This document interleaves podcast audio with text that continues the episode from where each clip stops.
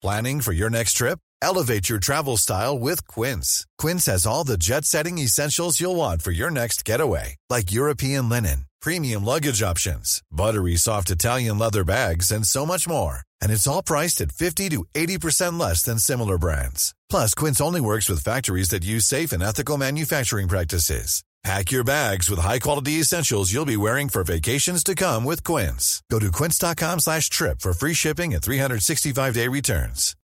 Life is full of what ifs. Some awesome, like what if AI could fold your laundry? And some, well, less awesome, like what if you have unexpected medical costs? United Healthcare can help get you covered with Health Protector Guard fixed indemnity insurance plans. They supplement your primary plan to help you manage out of pocket costs. No deductibles, no enrollment periods, and especially no more what ifs. Visit uh1.com to find the Health Protector Guard plan for you. Ever catch yourself eating the same flavorless dinner three days in a row? Dreaming of something better? Well, HelloFresh is your guilt free dream come true, baby. It's me, Kiki Palmer. Let's wake up those taste buds with hot, juicy pecan crusted chicken or garlic butter shrimp scampi. Mm. Hello Fresh. Stop dreaming of all the delicious possibilities and dig in at HelloFresh.com. Let's get this dinner party started.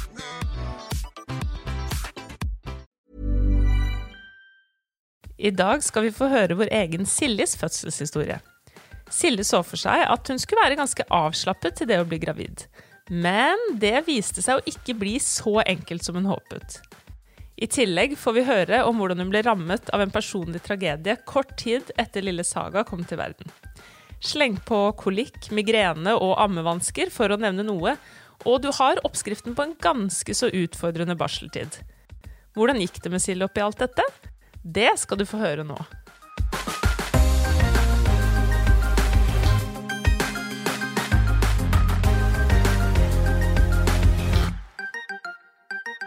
Ja, Silje, min medprogramleder til vanlig. Nå er det din tur til å sitte i gjestestolen. Hvordan føles det? Ilddåpen? Nei, nå har jeg tatt plass, jeg tror dette kommer til å bli en hyggelig ride. Ja, Ja. jeg håper det.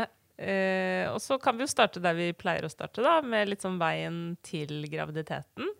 Eh, så da lurer jeg på når du begynte å kjenne deg klar for å bli gravid.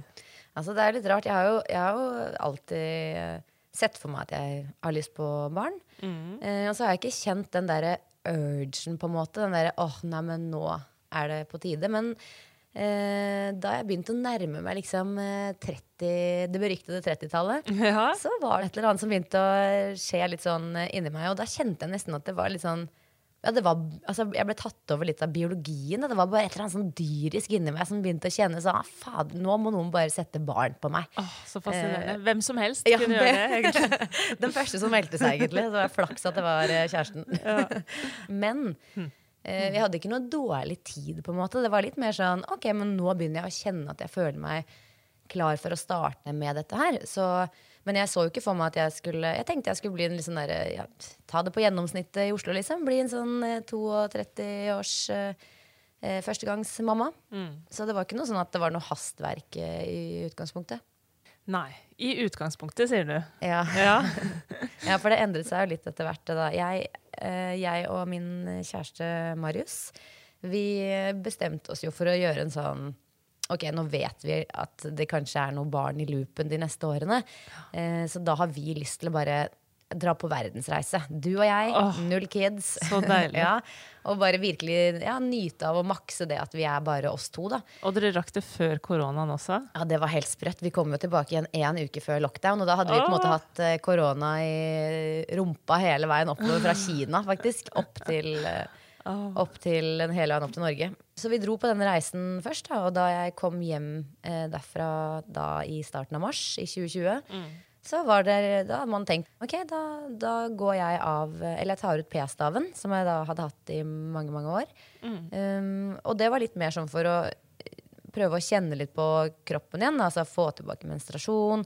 eh, Er alt som det skal? Liksom La kroppen gå seg litt til. Da, for vi hadde jo ikke tenkt til å prøve med en gang da. Var det noe dere snakket om på en måte, og var enige om da, eller var det noe du gjorde litt på egen hånd? Nei, det var planlagt. planlagt. Vi var veldig enige om begge to at sånn, ok, nå, nå går du av, men eh, vi prøver ikke på å bli gravide med en gang.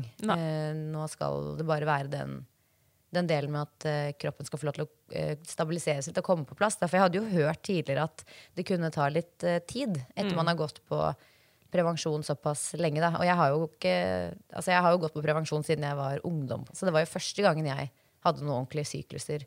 Eh, eller det hadde jeg jo da ikke, fant jeg ut Nei, senere. Men, eh, men det var første gangen jeg tenkte jeg skulle ha det. Ja, er greit å sjekke ståa litt før man begynner å prøve. Ja. Mm.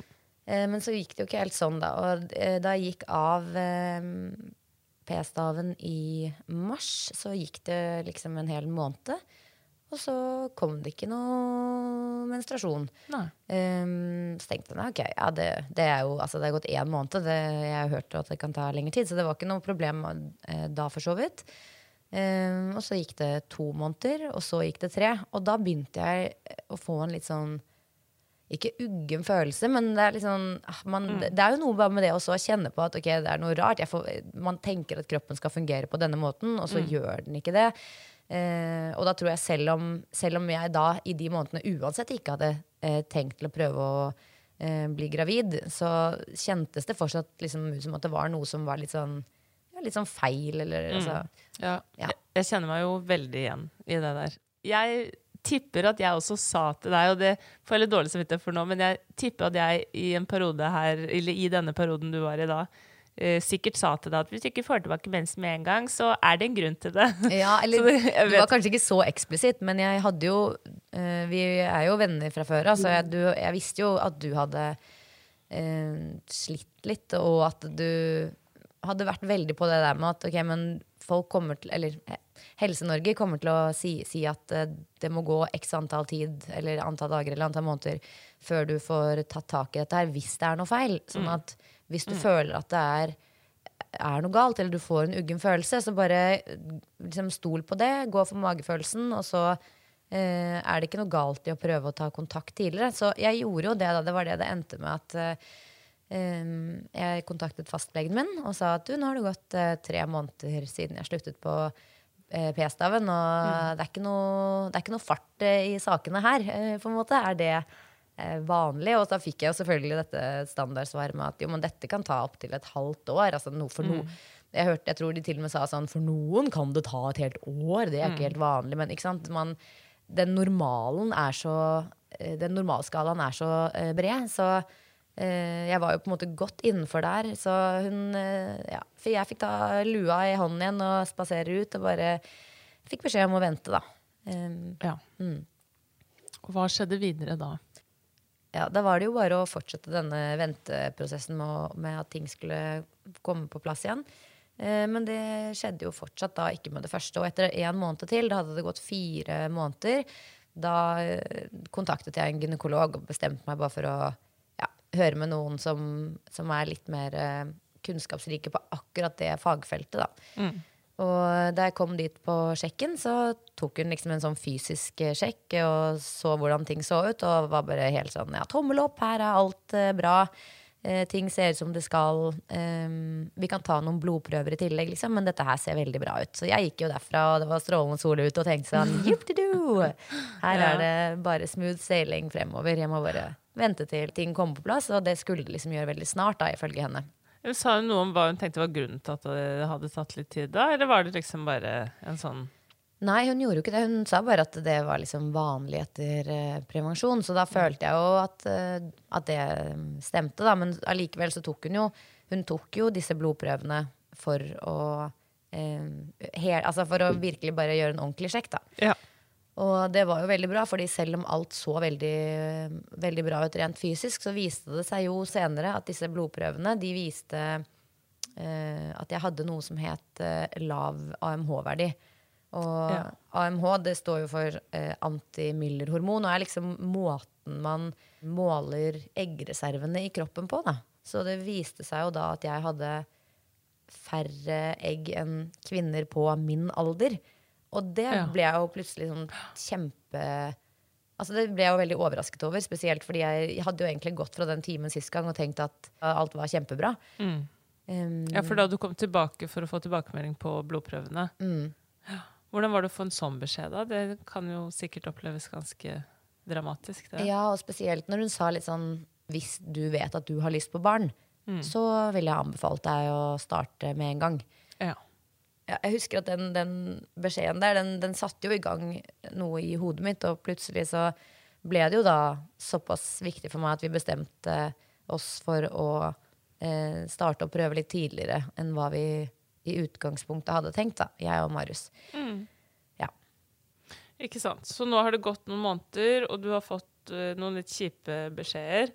Eh, og dere bestemmer dere da for å, å sette i gang og prøve. Eh, hvordan, hvordan oppleves det? Eh, klarer du da å gå inn med det med en avslappethet, eller er du da allerede på en måte veldig, veldig klar for å bli gravid, egentlig? Ja, det er litt sånn Jeg tror ikke helt jeg skjønte, for det viste seg jo senere også at eh, jeg slet ikke bare med denne lave AMH-verdien. Eh, jeg hadde også noe som eh, heter altså en defekt lutealfase. Og uten at man skal bli for teknisk her, så bet- er en, altså, denne syklusen vår er jo delt inn på en måte i to faser. Det er den fasen hvor egget eh, lages, og hvor det til slutt Follikelfasen? ja, ikke sant? Hvor den eh, eh, til slutt da ender i en eggløsning, eh, som er sånn rundt midten av måneden. Og så er det den da del to, som er lutealfasen, der hvor egg eventuelt skal kunne feste seg da, i, i livmoren. Og for at det egget skal kunne feste seg, så må det liksom være mange nok dager til at den kan få muligheten til å feste seg før eh, mensen begynner og alt blør ut. Mm. De aller, aller fleste har 12-14 dager som Ja. lutealfase. Ja, og plutselig så viste det seg jo da at jeg, min var åtte dager, og det er for kort da, for at den skal kunne feste seg ordentlig. Så det var litt sånn å få vite at ok, så hvis først eh, ting funker, og jeg faktisk eh, slipper et egg sånn som man skal, så vil det fortsatt være et problem med at det egget blir værende igjen og fester seg. Og da følte jeg meg litt sånn motløs.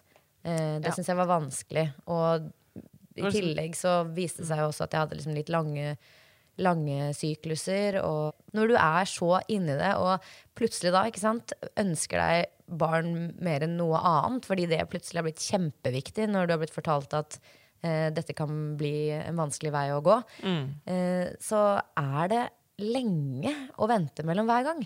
Og jeg tror ikke jeg hadde skjønt på forhånd hvor mange dager det er i en måned, hvor mange eh, timer det er i en dag, og hvor mange minutter det er i en time. Og det overrasket meg. Jeg ble ekstremt forbauset over hvor mye hjernen min brukte liksom, kapasitet til å tenke på det å bli gravid mellom hver eneste ting jeg holdt på med i løpet av en dag. Så det var liksom eh, Ok, nå sitter jeg på jobb, og plutselig så hopper hodet over eh, i den lille pausen til å tenke på det med graviditet. Og så skal jeg tenke på å spise, og så er det gravid. Og så skal jeg tenke på hva jeg skal ha på meg, og så var det gravid. Og så skal jeg tenke på meg hvilken, hva jeg skal ha til middag, og så er det gravid. Altså, det, det kom liksom inn hele tiden. Og det var ekstremt eh, ja, Det var litt utmattende, egentlig. Ja. Jeg, hører, jeg blir jo sliten av å høre om det, på en måte. Jeg, jeg ser det jo veldig for meg. Men var det sånn at du For en ting er den ventingen og uvissheten og ikke sant? ting ting bare, Som du sier, hver dag og hver time nesten er bare sånn Man er så klar for å være gravid i går. Ja, ja, ja akkurat det.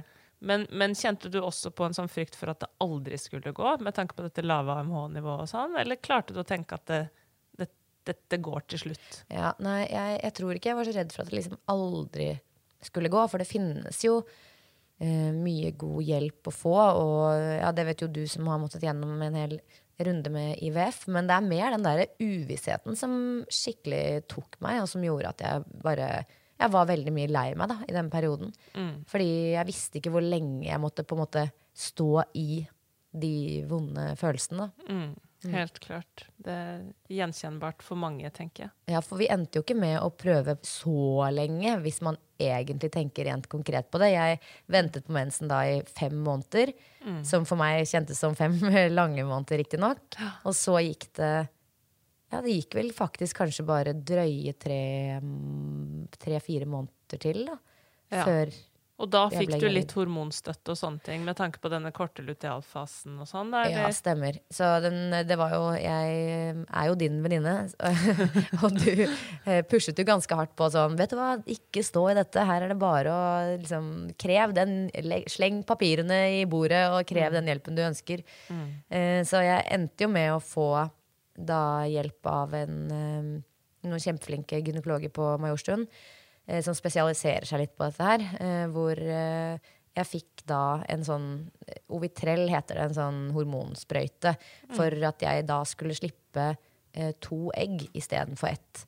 Eh, og den måneden før der hadde jeg hatt noe som het en eh, anovulatorisk måned. Og det er noe som egentlig alle kvinner får flere ganger i løpet av eh, livet. Eller de kan i hvert fall få det.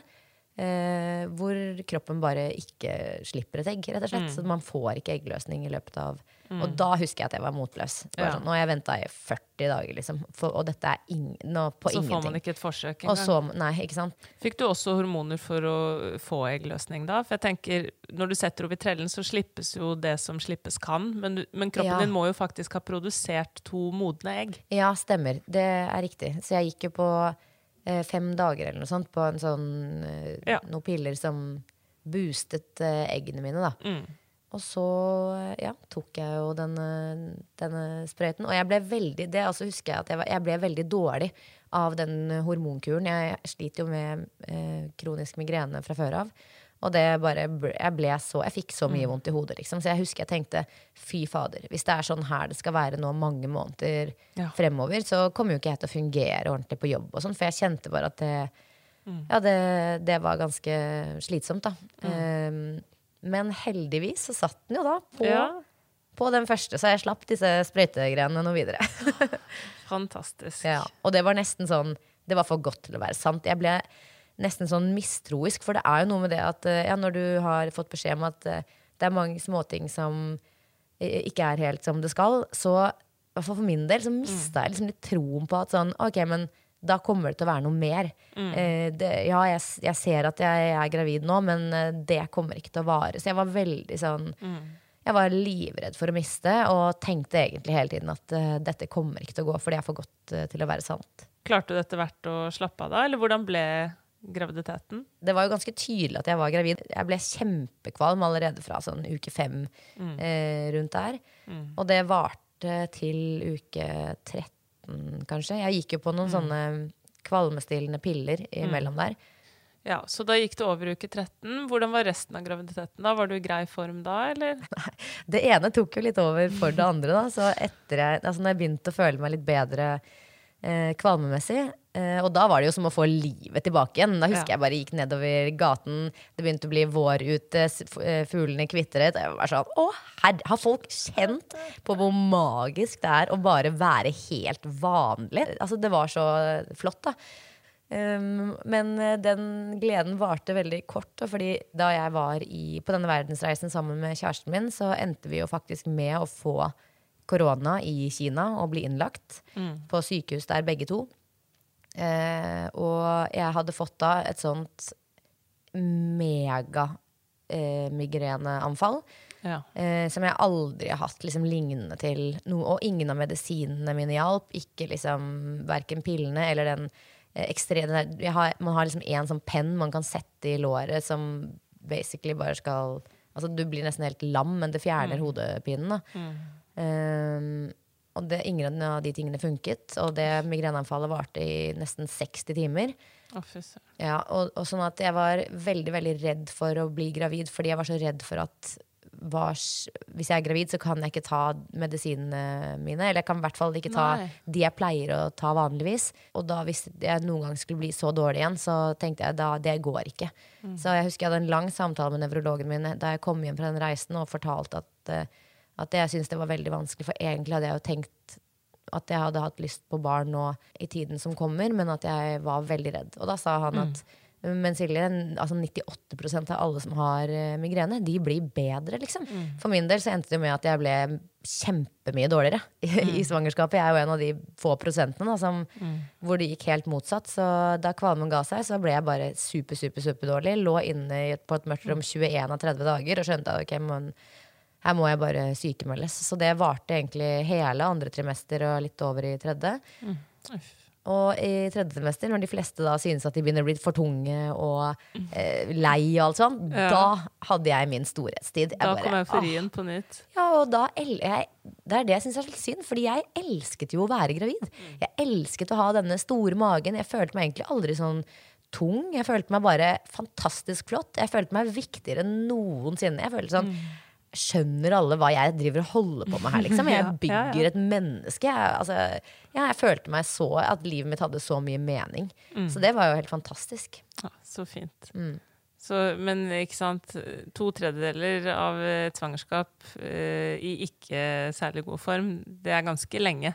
Ja, Hvis man er Eh. syk i fem dager, så syns man jo det er lenge. Men så skal det jo være det i et halvt år, liksom. Det er, ja, eh, ja. Ja, vel det er lenge nok. Ja. Men godt å høre at det ble en fin sånn eh, avslutning på det hele, da. Ja. Og, og da er jeg jo veldig spent på hva, hva slags tanker hadde du om fødselen da? For du nevnte jo den frykten for den hodepinen. ja. Er det liksom noe du også fryktet i forbindelse med fødsel, eller? Jeg kjente jo også at ettersom tiden gikk, så ble jeg jo bare mer og mer og mer redd for liksom den, det å være Det å ha så vondt så lenge, da, som det man har under en fødsel, nettopp fordi jeg hadde dette smertetraumet fra eh, Kina. Og det satt så sinnssykt lenge eh, i meg. Jeg, jeg kunne liksom Da jeg snakket med jordmødrene mine om dette her, så kjente jeg liksom at jeg, det var så lett å mane de, den følelsen frem igjen. Da, av at herregud, nå, nå er det noen som prøver å grave ut hjernen min med skje gjennom øyet mitt.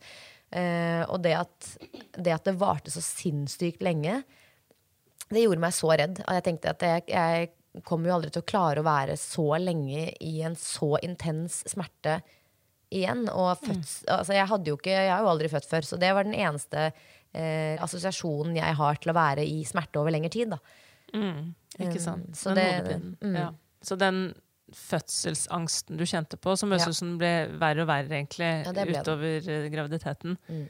eh, den handlet For du kan jo si Folk er jo redd for ulike ting. Noen er redd for å miste kontrollen. på en måte. Noen er redd Mm. for å revne, noen er redd for å bæsje på seg. Det er veldig mye forskjellig man kan være redd for i forbindelse med fødsel. Men for deg så var det, høres det ut som det å være litt sånn fanget i Ja. de ekstreme smertene over tid. da. Ja, det var noe Det er nesten eh, noe litt sånn um, åh, Hva heter det? Klaustrofobisk over det. Mm. Å være ja, fanget i sin egen kropp med så intense smerter over så lang tid.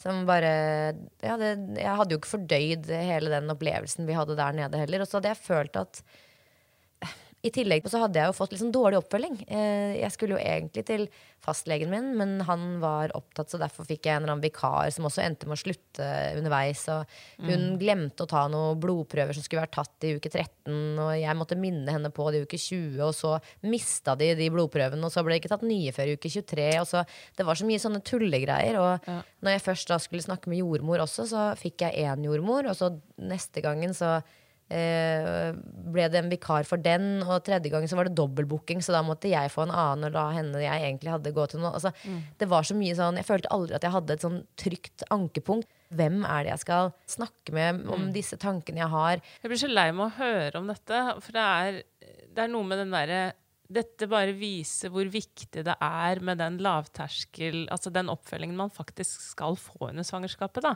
Med jevnlige kontroller til den samme personen. Hvor viktig det er å på en måte skape eh, det trygge og forutsigbare under svangerskapet. Og, eh, og så vet man jo ikke alltid hvem som trenger? Du har sikkert kjempemange som Ikke trenger som ikke det trenger det, det Nei, i like stor grad. Da. Eh, men, men dette er jo bare egentlig et veldig godt eksempel på hvorfor det er så utrolig viktig. For noe som i utgangspunktet var litt utrygt for deg, Mm. ble veldig mye mer utrygt, høres det ut som. Ja, det er litt Ved at eh, ting ikke var stabilt og, og forutsigbart, på en måte. da.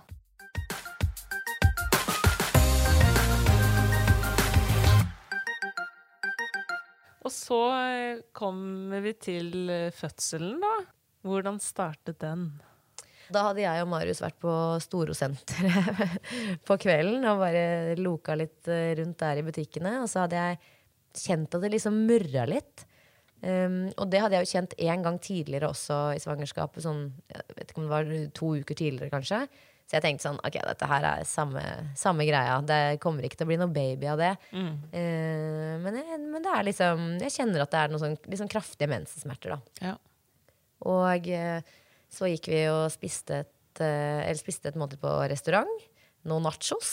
Noen nachos, Fordi ja. jeg tror bak, altså langt bak i bakhodet mitt så Ja. tenkte jeg jo litt sånn Men hva hvis? Ja, ja, ja. Eh, hva hvis det faktisk er den, det er nå det skjer, liksom? Da vil Mm. jeg jo ikke Da er det viktig å få i seg et eller annet eh, liksom, før det braker løs. Det er ikke dumt. Nei. Men mens vi var der, så eh, stilnet det jo, eller det roet seg helt. Og så kom vi hjem, og så tenkte jeg ja ja, nei, men da var det som jeg trodde, egentlig. At det ikke var noe som startet. Så vi slang oss ned på sofaen og skulle se på en film. Og da var klokka elleve. Mm. Og da hører jeg det som veldig mange snakker om, dette kneppet. Det berømte kneppet. Yes. Det var som en sånn liten Og så eh, var det egentlig veldig merkelig, fordi jeg hørte da lyden Eller eh, man hører det, føler det, jeg vet ikke. Men Mm. man hører det på en måte på innsiden av hodet sitt. Ja, For dette er ikke noe Marius kan høre, eller? Nei, han fikk i hvert fall ikke med seg det. Men, eh, og så sa jeg du, nå, nå skjedde det et eller annet her? Han bare hæ, hva da? Nei, jeg vet ikke helt. Det. For det begynte liksom ikke å fosse noe vann med en gang heller. Nei. Så jeg skulle bare reise meg opp, og jeg, for jeg lå jo i fanget hans. Ja. Reise meg opp, og idet jeg da på en måte bruker det buktrykket ikke sant, Ja. for å reise meg opp, så bare fosser det ut. Og jeg vet du bare det, armene mellom beina og holder for og eller, ja. løper sånn breibeint, vagger fram og tilbake inn på toalettet. Og da bare Det stopper ikke, liksom. Det var sånn Niagara Falls. Det, bare, det fortsatte og fortsatte og fortsatte. Og det var helt tydelig at eh, det var vannet som Det var, var ingen gått. tvil. Selling a little or a lot? Shopify helps you do your thing however you cha-ching. Shopify is the global commerce platform that helps you sell at every stage of your business. From the launch your online shop stage to the first real life store stage, all the way to the did we just hit a million orders stage. Shopify is there to help you grow. Shopify helps you turn browsers into buyers with the internet's best converting checkout. 36% better on average compared to other leading commerce platforms because businesses that grow grow with Shopify. Get a $1 per month trial period at shopify.com/work. slash work. shopify.com/work. slash work. Hold up. What was that? Boring. No flavor. That was as bad as those leftovers you ate all week. Kiki Palmer here, and it's time to say hello to something fresh and guilt-free. Hello Fresh. Jazz up dinner with pecan-crusted chicken or garlic butter shrimp scampi. Now that's music to my mouth. Hello Fresh. Let's get this dinner party started. Discover all the delicious possibilities at hellofresh.com. Så da skjønte vi jo at eh, vi var nødt til å ringe inn til um, fødegyn og, og si ifra om dette. For det hadde vi fått beskjed om siden hun ikke uh, hadde festet. Hun var ikke festet Nei. med hodet, nei. For det er jo litt sånn Det er jo forskjellen, tror jeg, på at hvis hodet har festet seg og man vet det, så er det ikke noe problem at eh, Da har du noen timer på deg. Ikke sant? Mens hvis det ikke har festet seg, så er du nødt til å komme inn for en sjekk uansett. Mm. Um, og jeg hadde jo ikke pakket fødebagen sånn ordentlig. Jeg hadde liksom starta litt, og så hadde jeg tenkt sånn, ja, men gud nå Det var jo som jeg sa til deg, etter at jeg hadde, fått, eller etter jeg hadde nådd termin, så tenkte jeg ja, men nå er, det, er det, nå er det to uker til, så nå er det Ja. god tid. Ja, um, veldig rart i retrospekt å tenke at jeg liksom trodde det, men det Ja. var, jeg vet ikke, det var et eller annet som skjedde idet jeg traff terminen. Mm. Um, nei, så vi pakket, eller Marius pakket eh, ferdig fødebagen. Jeg lå inne på senga og pustet meg gjennom rier. Fordi i det sekundet vannet gikk, så startet eh, riene sånn. Åh, de gjorde det, ja. Mm. Og da kom de med tre minutters mellomrom. Helt fra start. Så eh, Hva slags rier snakker vi da? Hvor kraftfulle, liksom? åh, Det er jo så vanskelig å forklare, men Ja, det jeg, det. bare det at jeg sier at jeg klarte liksom å puste meg gjennom de, det forteller jo litt at eh, de var overlevbare. Men Mm. idet taxien kom, da hadde vi vel brukt Vi ringte jo fødegyn eh, og sa ja, vi, vi kommer nå.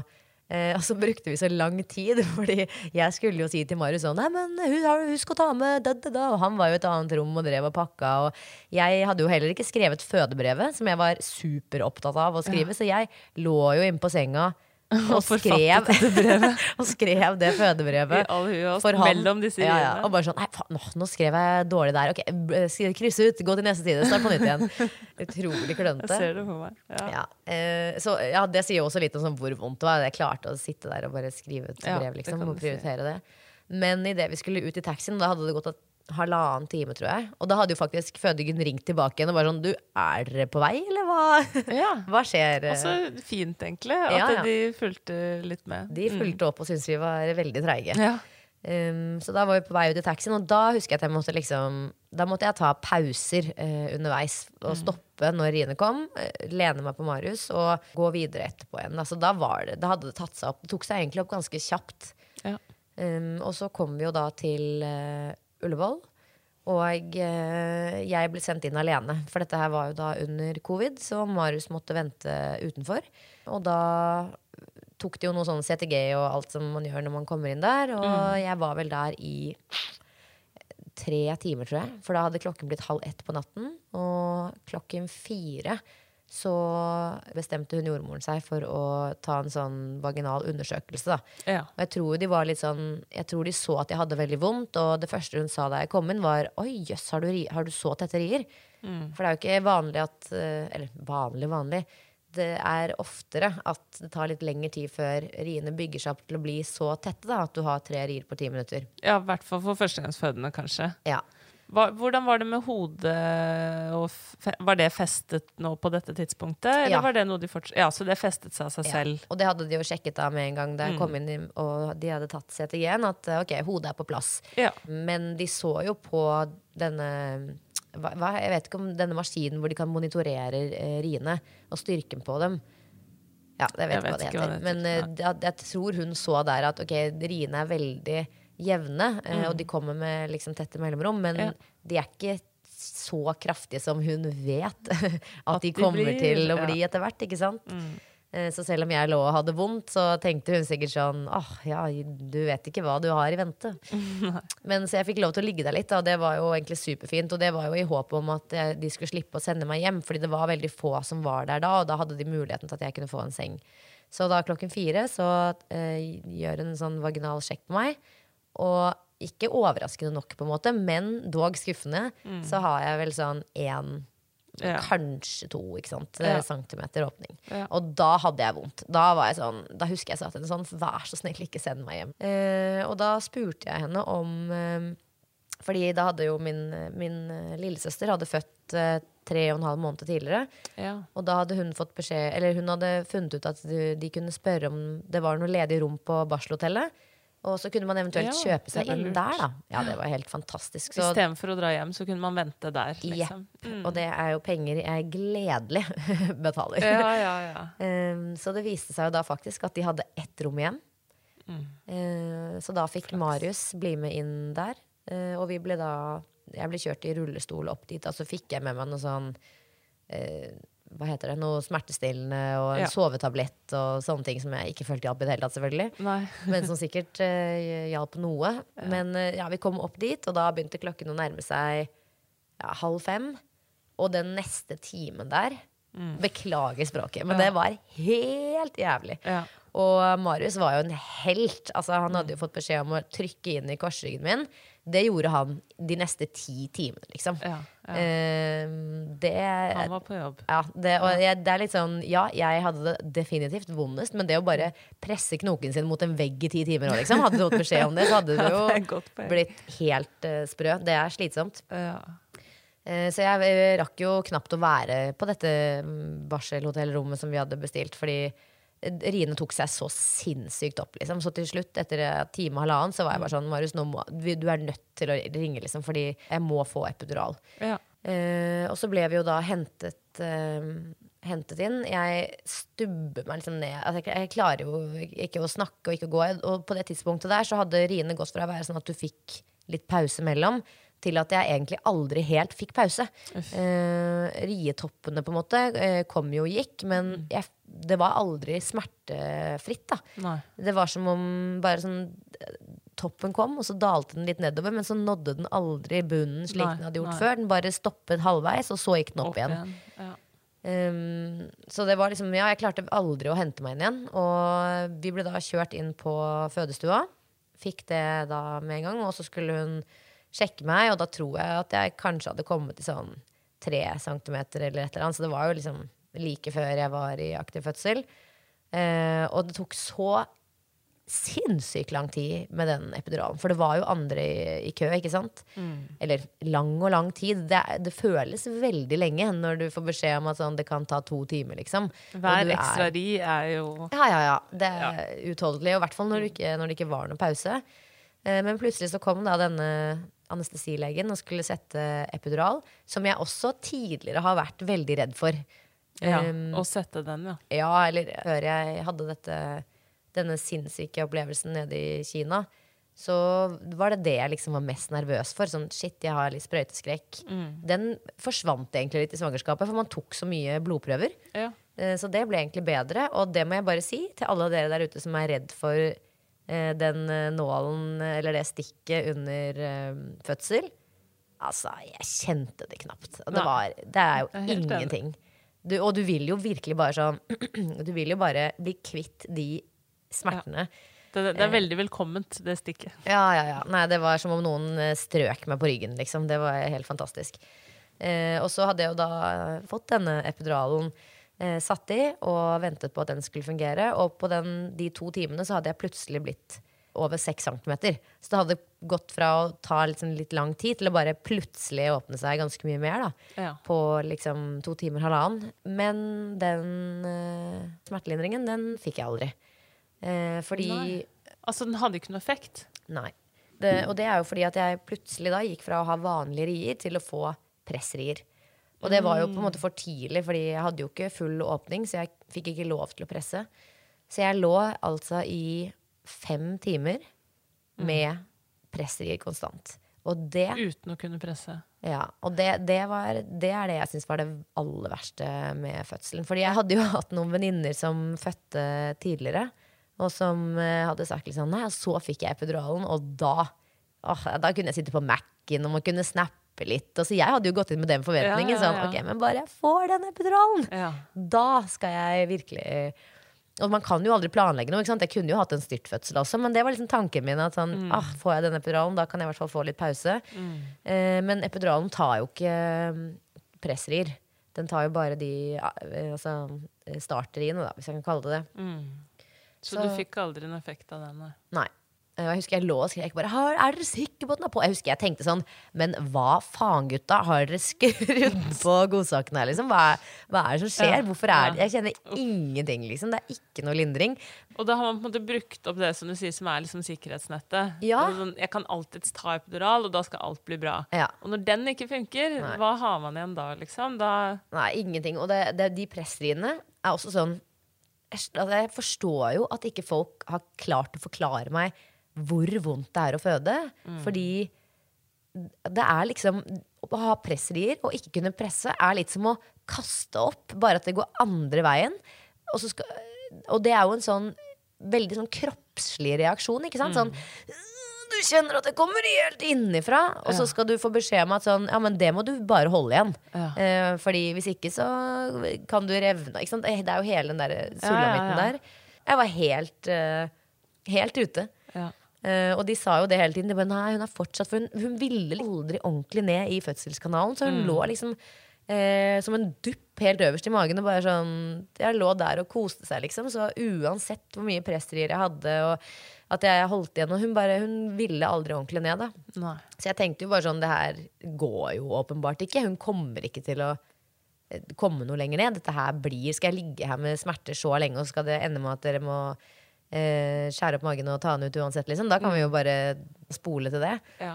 Um, men eh, det gikk jo til slutt, da, etter hvert. Og da kom jeg jo opp på rundt 9 cm. Og da husker jeg at hun jordmoren sa nå kan du få lov til å begynne å presse litt, så kan Ja. du uansett tøye og teste litt og sånt. da. Ja. Og det å få lov til å jobbe med kroppen, og jobbe med de presseriene istedenfor å jobbe mot dem, det var liksom revolusjonerende. For selv om det gjorde helt sinnssykt vondt, så var det jo også noe veldig forløsende med å få lov til å, eh, ja, til å jobbe med dem. Ja.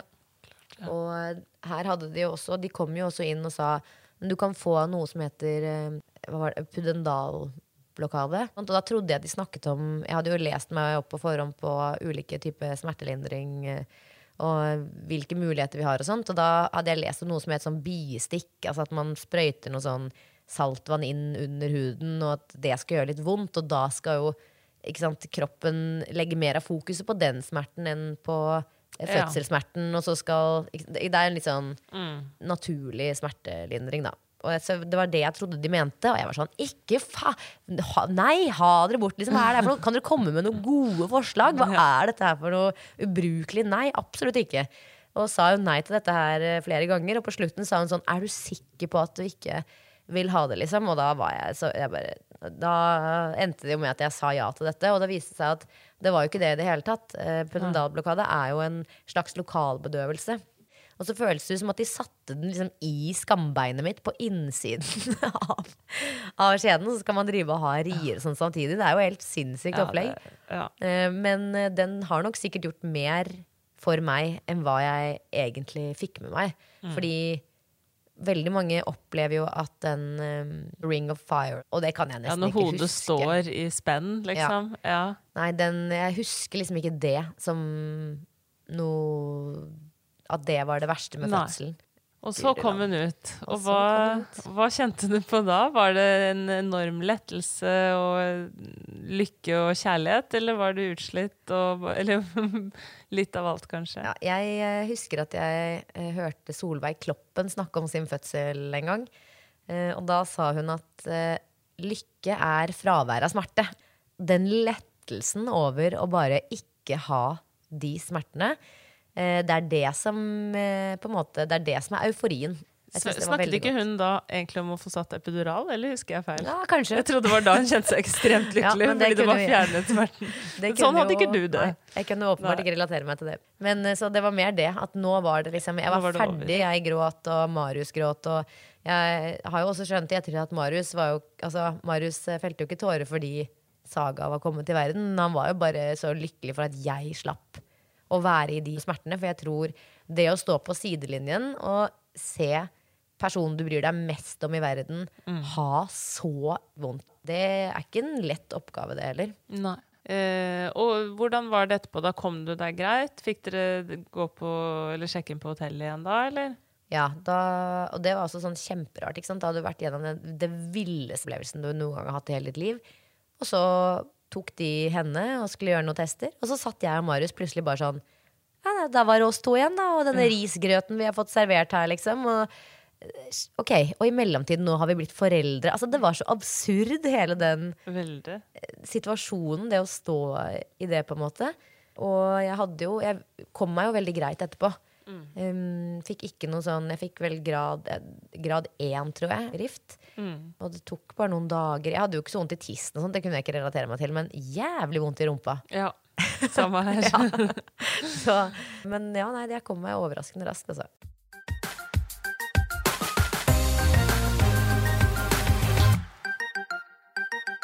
Hvordan gikk det med amming og sånne ting, da? Nei, vi var jo der da Vi fikk jo være der Vi har jo muligheten til å være der i tre dager. Og eh, vi var der i eh, to dager.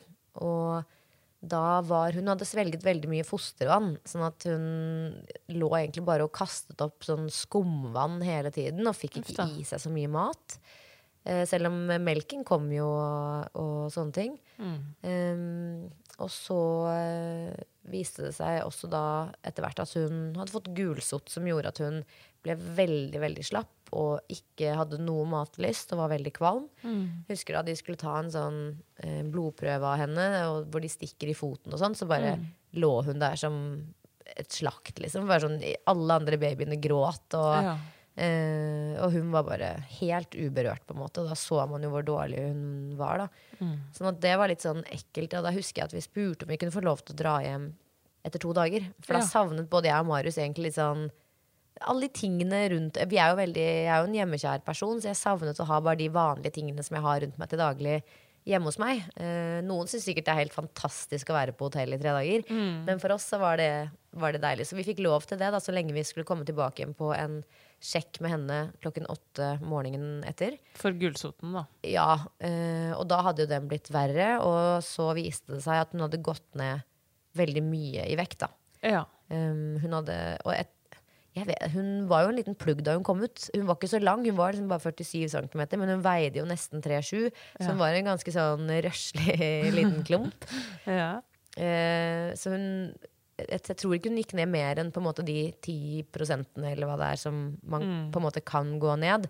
Men vi kom jo da til en, en eh, jordmor, jeg skal ikke nevne navnet hennes her, som eh, nok tok meg imot litt uh, feil. For da var man Altså, man er jo blitt nybakt mor, man har nervene utenpå kroppen.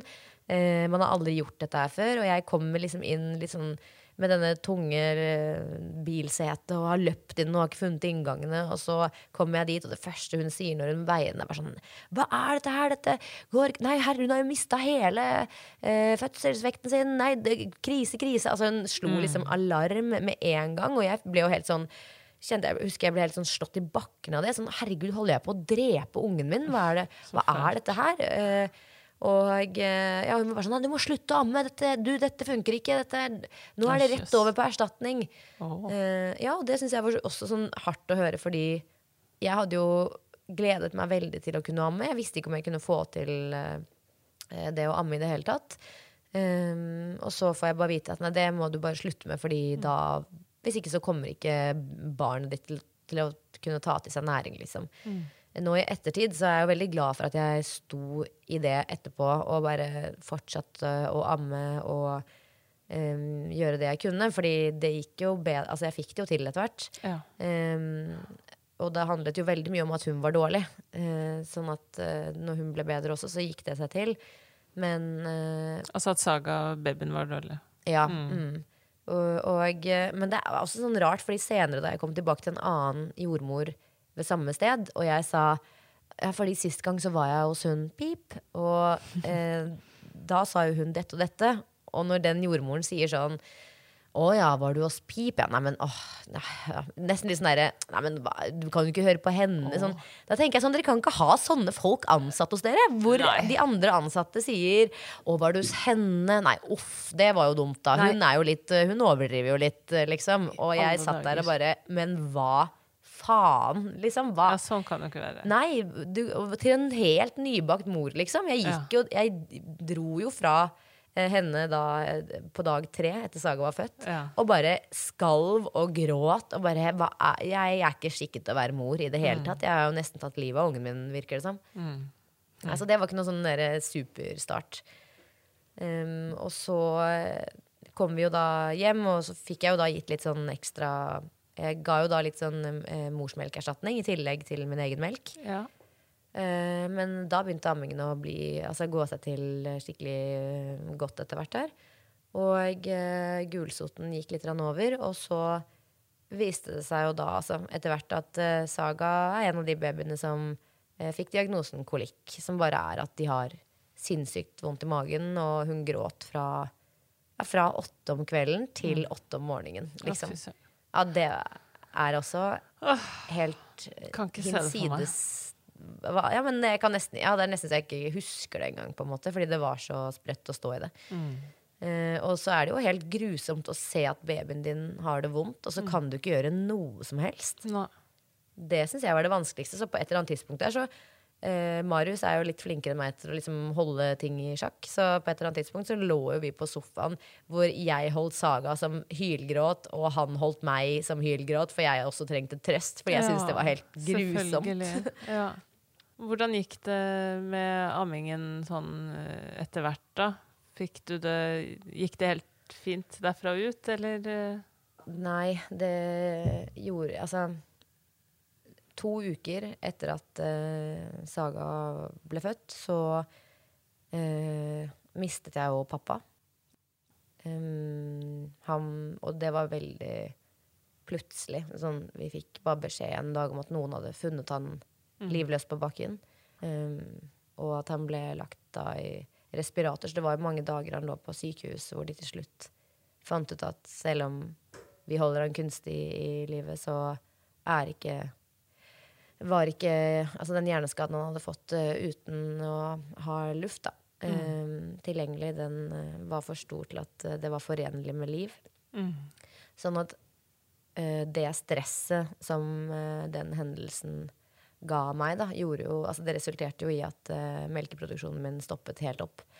Og søsteren min, som hadde fått barn da tre og en halv måned tidligere, uh, det, det skjedde det samme med henne.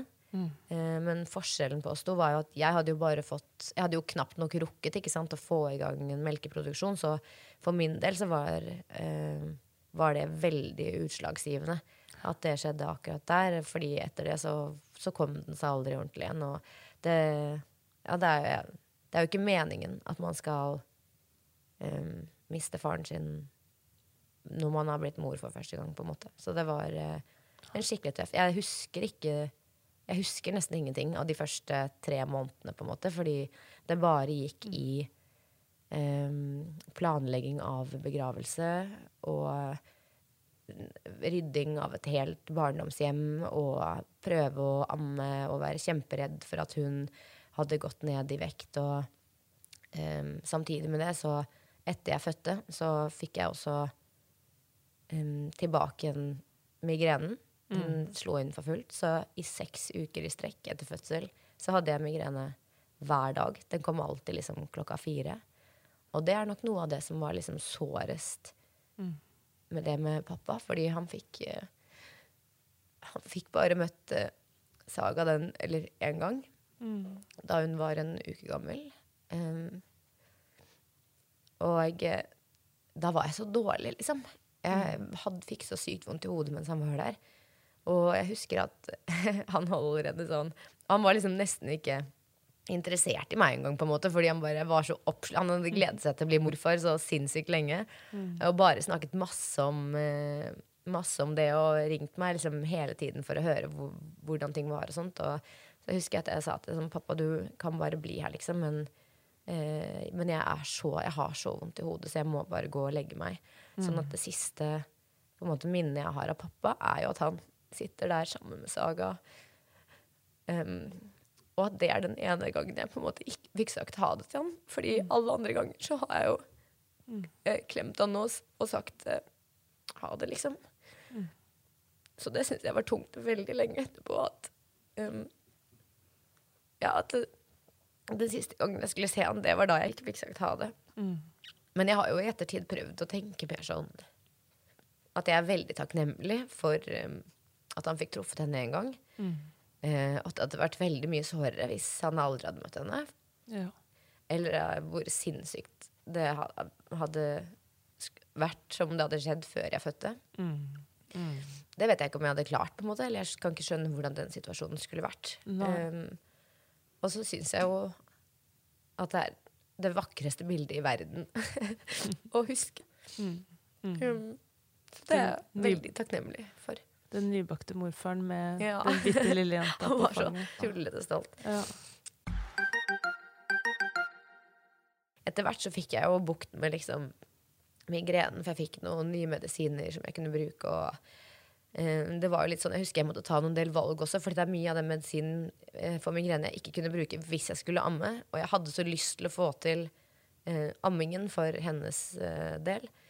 Um, men til slutt så endte jeg jo med å jeg tror jeg prøvde å fullamme liksom de første tre månedene. Og så eh, dro jeg nå til nå, en ammeveileder opptil flere ganger, egentlig.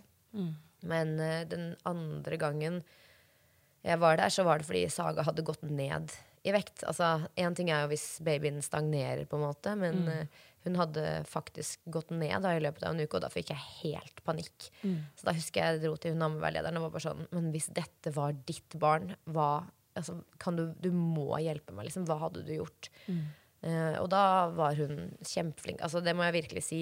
Sagene helsestasjon og den oppfølgingen jeg fikk av helsesykepleier og sånt etter fødsel, mm. superfantastisk. Eh, Kjempe-shout-out til Susanne som jobber der oppe, som uh, kom hjem til meg flere ganger liksom, i ukene uh, etterpå da jeg trengte bistand. Mm. Um, men jo, hun ammeveilederen hun sa jo da da ville jeg gått privat, og jeg ville ha gått uh, til en klinikk uh, i Samvika.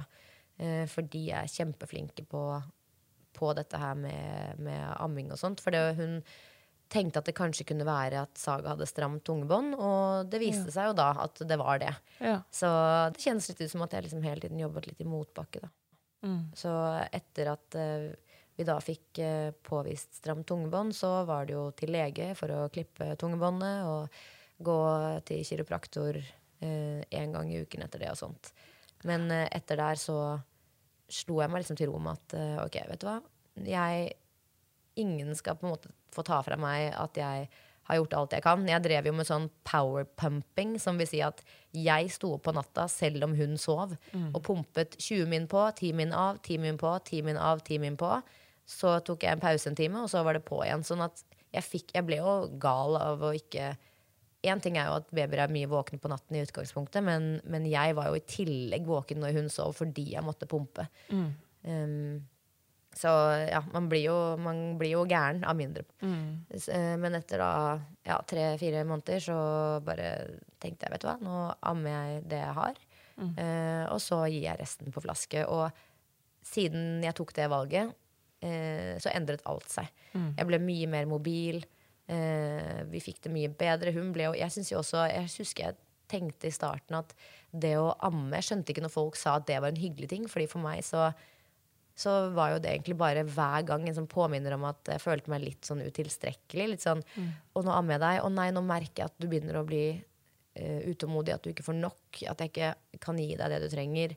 Mens da jeg gikk over til å bare bestemme meg for å dele av meg, på en måte, så eh, ble det skikkelig kosestund. Og det ble noe kjempefint. Ja. Og vi klarte å ha, altså, leve veldig godt med det. Da. Og siden det så har jo barseltiden vært helt eh, annerledes. Sett bort ifra at eh, selvfølgelig hele det første halvåret minst har vært bare en sånn slags symbiose av pappas død og Sagas eh, ankomst. Da. Jeg tenker du- beskriver en ganske ekstrem situasjon. Mm. Og det å få Det å få sitt første barn er jo i utgangspunktet tøft for de aller, aller fleste, ikke sant? Mm. Og så nevner du jo både kolikk, eh, problemer med amming, stramt tungebånd, pappa som dør brått. Mm. Og alt dette skjer egentlig ganske på samme tid, når ting er veldig kaotisk og uoversiktlig i utgangspunktet. Um, jeg tenker, eller jeg får lyst til å spørre, hvordan går det med deg i dag? på en måte? Du, du er litt inne på det nå, da, at, eh, Ja. at, at ting ble bedre kanskje etter at du la bort det ammepresset, eller hva vi skal kalle det. Men, Mm. men uh, ja. Hvordan, hvordan kommer man gjennom noe sånt, og hvordan kommer man ut på andre siden? Men jeg tror bare det er Det er jo superklisjé, men det er jo bare tiden, liksom, som man må ta til hjelp.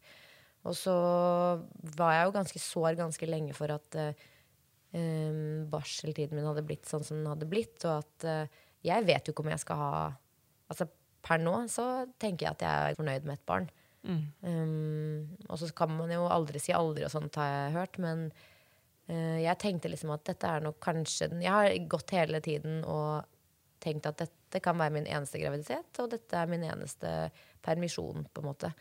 Eh, så det at jeg nesten ikke husker eh, de tre første månedene, det var veldig sårt, eh, egentlig, en stund. Og så har jeg nå da fått igjen de siste månedene med å ha det helt fantastisk, og vi har reist på ferie og klart å ta litt avstand til ting og ja, jeg føler liksom virkelig jeg har gjort det beste ut av uh, situasjonen. Ja. Og så skal det jo sies også at når man snakker om alt dette her, så det er jo alt det tunge som på en måte er som en sånn stor sky som ligger over sånn, eh, sånn generelt, så er det jo alltid masse fine øyeblikk, ikke sant? Mm. Hver eneste dag så er det masse dødsfine små øyeblikk eh, hvor man tenker sånn Dette lever jeg for, dette lever jeg for, dette lever jeg for.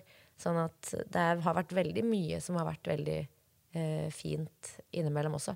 Spesielt nå på slutten, da. Ja. Du imponerer, Silje. Det må jeg si. Og så syns jeg det har vært eh, kjempefint å prate med deg i dag. Eh, og så sier jeg takk for praten.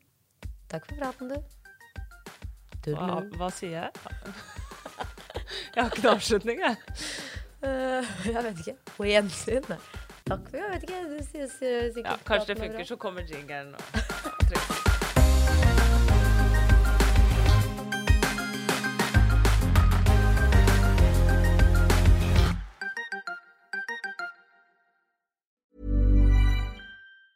Hey, it's Danny Pellegrino from Everything Iconic. Ready to upgrade your style game without blowing your budget? Check out Quince. They've got all the good stuff shirts and polos, activewear, and fine leather goods, all at 50 to 80% less than other high end brands. And the best part? They're all about safe, ethical, and responsible manufacturing. Get that luxury vibe without the luxury price tag. Hit up quince.com slash upgrade for free shipping and 365 day returns on your next order. That's quince.com slash upgrade. Ever catch yourself eating the same flavorless dinner three days in a row? Dreaming of something better? Well, HelloFresh is your guilt free dream come true, baby. It's me, Kiki Palmer.